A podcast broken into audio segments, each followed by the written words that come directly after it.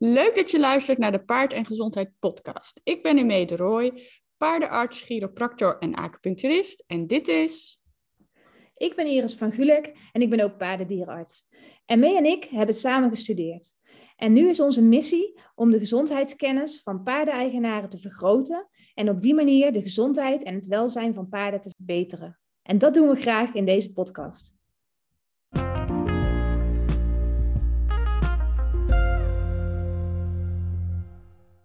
Hebben vanavond zo'n belangrijk onderwerp. Eigenlijk weet niemand dat het avond is natuurlijk. Nee, nee dat weet helemaal niemand. Nee. Goed begin. Het is nu avond en we hebben zo'n belangrijk onderwerp dat we het er al twee keer eerder over gehad hebben.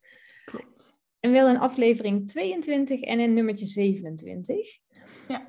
En we gaan het hebben over de feiten en de fabels van PPID. Klopt, inderdaad. En dan kun jij vast uitleggen, want ik denk dat we daar even mee moeten beginnen, wat PPD ook alweer is. Ja, dat ga ik doen.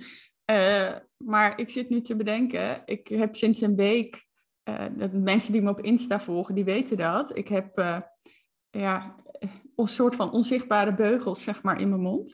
En nu ga ik meteen al struikelen over die eerste woorden natuurlijk. Ik bedoel, ik, ik kan redelijk praten, maar dit wordt een uitdaging. Maar goed, hè, ik ga het proberen. Iedereen goed opletten. Ja, precies. PPID, dat is Pituitary Pars Intermedia Dysfunction. Gelukkig. Netjes. Ja.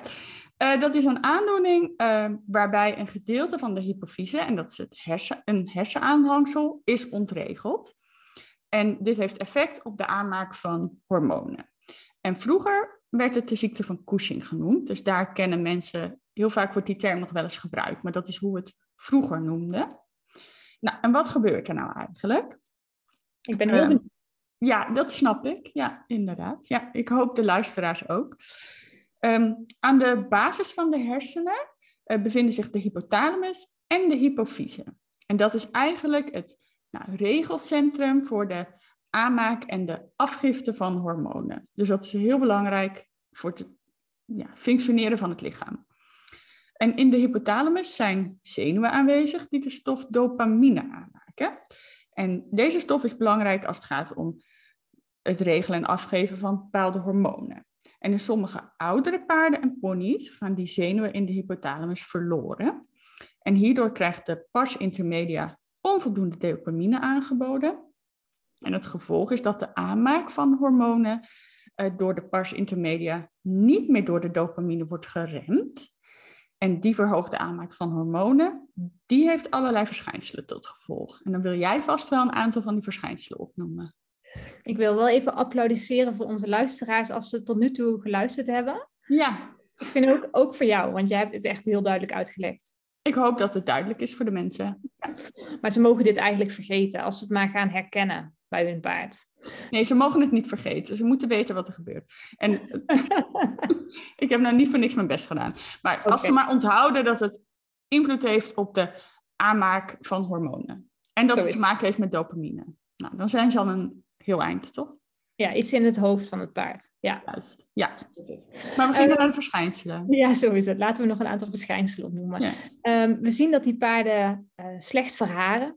Dus slecht door hun vacht heen komen. Vooral uh, als het dan lente wordt, dan blijven ze eigenlijk in de vacht zitten. Soms zien we ook een beetje van die goudkleurige haren erin ontstaan of van die plukken. Um, sommige paarden krijgen een krullende vacht. Dat is meestal echt in een vergevorderd stadium, maar dan kun je ze echt alleen al herkennen door ernaar te kijken. Ja. Um, ze breken de spieren eigenlijk een beetje af, dus ze krijgen veel minder spieren, dus veel minder spieren op de rug en juist wel een dikkere buik. Um, als je een merrie hebt en die heeft PPID, dan uh, zien we vaak dat ze slechter drachtig worden. En soms hebben ze ook spontane melkgift. Dus gaan ze zomaar ineens melk geven terwijl ze geen uh, veulentje hebben. Um, die paarden hebben een verminderde weerstand, dus zijn veel gevoeliger voor infecties of voor ontstoken ogen of ja, allerlei dingen die ze op kunnen pakken. En we zien als een van de hele ernstige complicaties dat die paarden hoefbevangen worden. Ja. En uh, dat is wel echt verschrikkelijk. Ja, precies. Ja, dit zijn een aantal van de verschijnselen inderdaad die we kunnen zien. En um, uh, ik denk dat dit wel de belangrijkste of de meest herkend, herkende symptomen zijn. Nou, en we zeiden natuurlijk aan het begin, we gaan het hebben over fabels en feiten. Ja. En fabel 1, waar we eigenlijk mee willen beginnen, die hebben we dus eerder ook besproken in 22 en 27. Ja. Ehm, maar er wordt nog steeds regelmatig verkeerd uh, begrepen. En dat gaat over de periode van testen. En de fabel luidt dan, ehm, het heeft geen zin om in het najaar te testen, want op dat moment stijgt de ACTH bij alle paarden. En uh, eigenlijk vinden ze het dan dus onzin dat wij dierenartsen erop hameren om juist in het najaar te testen. Nou. Ja, en misschien is het wel slim om even te zeggen dat ACTH is dus inderdaad wat we testen in het bloed om aan te tonen of het paard wel of geen ja. PPID heeft. Dus als die ACTH heel hoog is, dan toon je aan dat hij PPID heeft. Ja, precies. Nou, en het is dus een fabel dat het geen zin heeft om in het najaar te testen.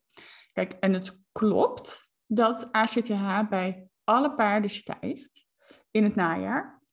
Uh, maar bij paarden met PPD stijgt dit harder. En dan kunnen die paarden er juist makkelijker uitgefilterd worden. En er wordt ook rekening uh, mee gehouden met de referentiewaarden in het lab. Dus um, ja, hoe, hoe leg je referentiewaarde uit? Uh, als het dus uit een bloedwaarde... Ja, precies. Als het dan dus uit een bloedwaarde komt... Uh, stel, uh, in de zomer heeft hij bij getal x... zeggen we van, oh, het is te hoog. En in het najaar is het dan een range van i tot z, bij wijze van. Dus er wordt rekening gehouden met die waarden. Ja, dus alle paarden mogen het hoger hebben in het najaar of eind van de zomer. Dus uh, dan heeft je paard, ook al is het dan hoger dan in het voorjaar, dan heeft hij niet meteen een PPID. Nee, precies. Nee. En misschien is het wel nog even belangrijk om te zeggen van, dat we eigenlijk natuurlijk pas gaan testen um, als we een verdenking hebben. Dus er moet wel een basis zijn om uh, te testen. En het klinische beeld is eigenlijk ja, leidend daarin, hè, om überhaupt te gaan testen op PPD. Ja, dus we willen verschijnselen zien. Ja, ja, precies. In ieder geval uh, minder uh, milde verschijnselen. En uh, dan willen we pas testen. Niet, we gaan niet standaard alle oude paarden testen. Dat is niet nee, nee, en we gaan ook niet alleen op basis van een bloeduitslag dan behandelen. Nee, dan willen we wel dat er ook echt iets ja, aan de hand is eigenlijk. We willen niet zomaar die paarden op allerlei medicatie zetten. Nee, precies. Nee. Um, en wat dan ook nog wel belangrijk is, dat um, had ik nou eigenlijk niet opgeschreven bij de aantekeningen.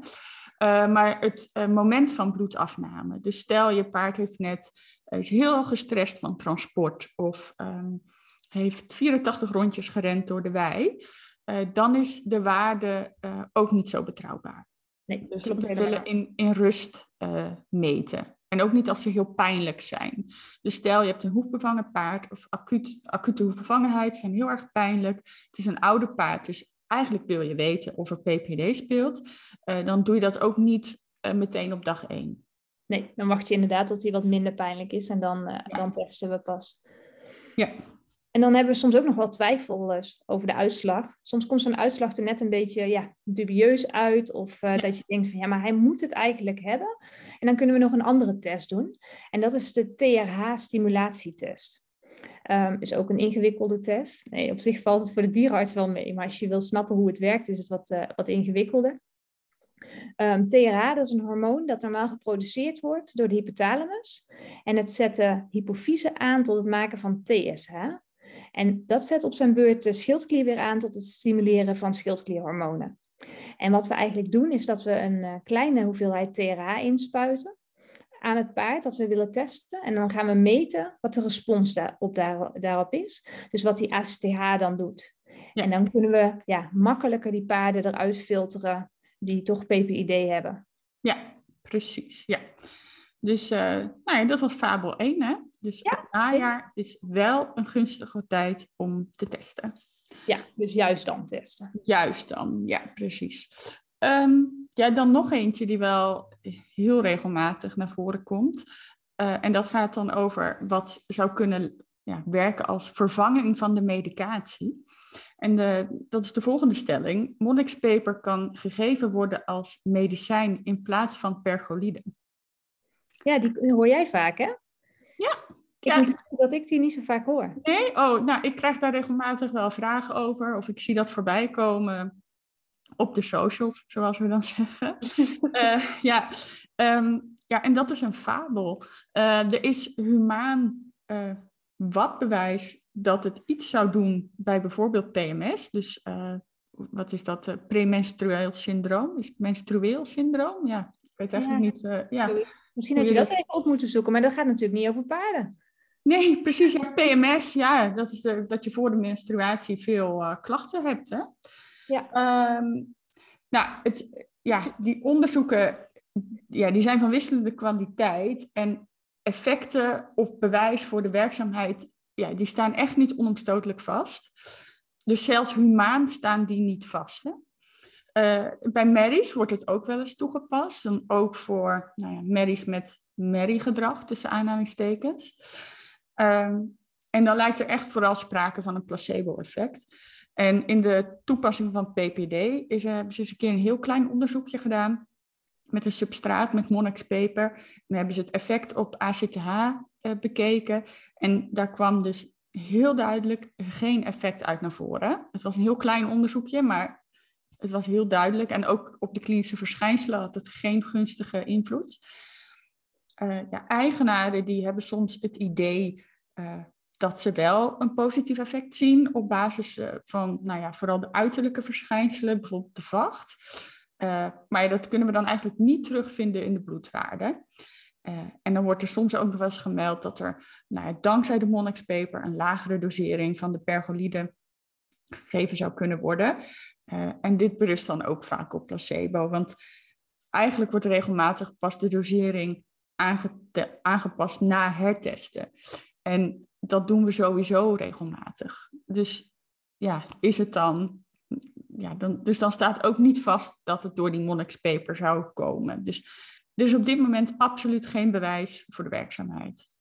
Nee, dat uh, ben ik helemaal met je eens. Dus dat was weer een fabel. Ja. Hebben we alleen fabels? Hebben we ook nog feiten vandaag? Volgens mij vooral um, fabels. hebben we vooral fabels. en dan noemen wij ook nog de feiten. we zijn begonnen met de feiten, toch? Ja, precies, precies. Ja.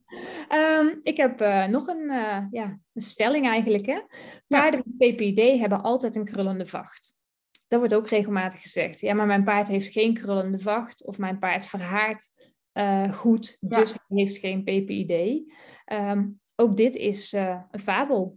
Ja, precies. Ja. Want um, zoals we in het begin al zeiden, er zijn heel veel verschillende verschijnselen die een paard kan laten zien.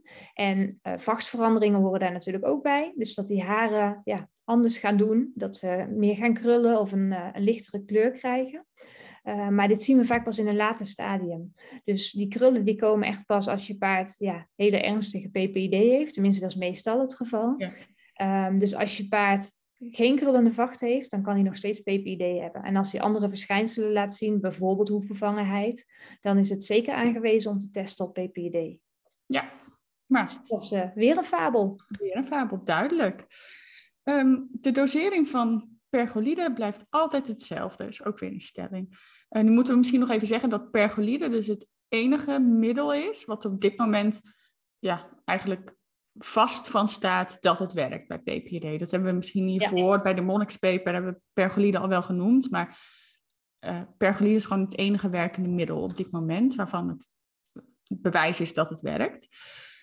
Uh, maar ja, die dosering blijft altijd hetzelfde. Is dat een feit of een fabel? Nou, hou ons niet langer in spanning. dat is een fabel. Ja. Ja, want um, uh, je start altijd met de behandeling en dan gaan we na ongeveer vier tot acht weken het bloed controleren om te kijken of de uh, start van de behandeling goed genoeg was geweest. Dus of die waarde van die ACTH eigenlijk weer gedaald is. En we kijken natuurlijk ook heel erg naar de klinische verschijnselen, dus of die ja, nog problemen laat zien die duiden op PPID. Ehm, en dan gaan we dus bedenken van, hey, hoe ver is die ASTH-waarde gezakt? Hoe gaat het met het paard zelf? En dan beslissen we of de dosering gelijk blijft of aangepast moet worden. Soms is het zo namelijk dat de dosering toch iets verder omhoog moet. Ja.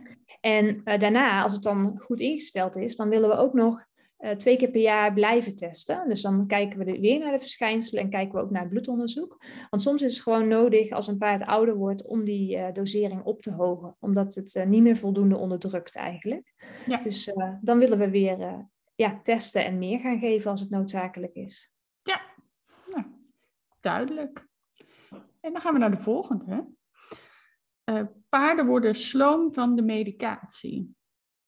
Is dat een fabel of een feit? Ja, wat vind jij? Uh, nou ja. Moet ik zeggen wat ik vind? Nee, nou ja, ik bedoel, wat, ja, wat ik vind. Uh, ik vind het in principe een fabel, maar het kan ook een feit zijn als de medicatie nog niet helemaal juist is ingesteld. Ja, daarom had ik er inderdaad een streepje feit achter gezet toen ja. in fabel stond. Want sommige paarden kunnen zeker wel uh, ja, wat sloomheid laten zien, vooral in het begin. Ja. Ehm, we zien soms dat paarden, als ze gestart zijn met de behandeling van de pergolide, dat ze verminderde eetlust krijgen in het, in het uh, begin en ook wat slomer kunnen aandoen. Um, en als dat zo is, dan uh, willen we de dosering weer even verlagen, totdat die paarden weer gewoon ja, goed eten en ook weer ja. Ja, zichzelf zijn. En dan gaan we heel geleidelijk die dosering weer opvoeren. Uh, en meestal kan hij dan uh, wel weer terug naar de dosering waar we hem op willen hebben. Maar moest het bij dat paard dus eventjes uh, ja, iets geleidelijker dan zomaar ineens beginnen met de medicijnen. Ja. Um, ja. Heb je nog meer? Nou ja, het is soms natuurlijk vooral bij kleine ponies ja. zie je dat dan nog wel eens. Ja. Want dan is het nog wel eens lastig doseren, want het gaat dan natuurlijk om hele kleine hoeveelheden die ze moeten krijgen. Um, en dan kan het soms wel eens dat dat. Ik zie het meer bij kleinere ponies dat die dosering dan nog net niet helemaal is zoals je hem zou willen hebben. Uh, het kan natuurlijk ook bij grotere paarden hoor, maar het is meer, nou dat ik nu zit te denken, het is vaker bij van die kleine ponies dat het dan soms wat lastiger uh, is. Ja, ja, dat klopt. Het is toch moeilijk te doseren omdat het maar een heel klein pilletje is natuurlijk. Ja. Ja. En zo'n kleine pony, die weegt soms maar 80 kilo. Precies. Dat is heel wat anders dan 600 kilo paard. Ja, daarom. Dus dan maakt het dat soms wat lastiger. Maar... Ik denk dat het wel uh, belangrijk is om te noemen dat als mensen het idee hebben dat hun paard ja. Um, ja sloom is van de medicijnen of minder eet, dat je dan dus goed even met je dierarts contact opneemt. Ja. Uh, ja. Om dan te overleggen wat je kunt doen en of de dosering op een andere manier ingesteld kan worden. Ja, precies. Ik denk dat dat inderdaad heel belangrijk is. Dat, uh, dat mensen dat in hun oren knopen. Ja. Leuk. Nou, ik uh, denk dat we zo de belangrijkste feiten slash fabels die we voorbij zien komen, waar we vragen over krijgen, nu wel um, getackeld hebben. Dus luister ook zeker um, aflevering 22 en 27 nog eens terug als je meer wil weten over PPD en de, de behandeling. En um, ja, dan hoop ik, uiteindelijk hoop ik dat het je paard niet treft, maar ik hoop vooral dat mocht het zo zijn dat je het herkent en dat je dan op tijd laat testen en uh, nou, dat we dan snel kunnen behandelen. Want het kan echt uh, het verschil maken hè? bij die oudere paarden, waarvan mensen dan denken van, oh ja, hij is gewoon wat ouder, uh, hij is wat minder fit, het komt door de leeftijd. Nou, dan blijkt dat ze PPD hebben, dan ga je ze daarvoor behandelen en dan ineens gaat zo'n pony weer als een jekko door de wei, heeft weer al zijn oude streken terug. En ja. het kan echt zorgen voor een gezonde, fijne oude dag als je de behandeling instelt. Ja, en dat is echt super belangrijk. Dus uh, zorg dat je op tijd aan de bel trekt als je verschijnselen merkt uh, bij je paard of pony. Ja. En uh, het zou ook super leuk zijn als je deze aflevering wilt delen natuurlijk. Want hoe meer mensen dit weten, hoe beter het is natuurlijk voor de paardjes. Dus ja. het zou leuk zijn in je stories. Vergeet ons niet te taggen, dan delen we hem door. En dan zijn we hartstikke blij. Zo is het. Nou, fijne avond nog. Ja, jij ook. Doei doei. doei.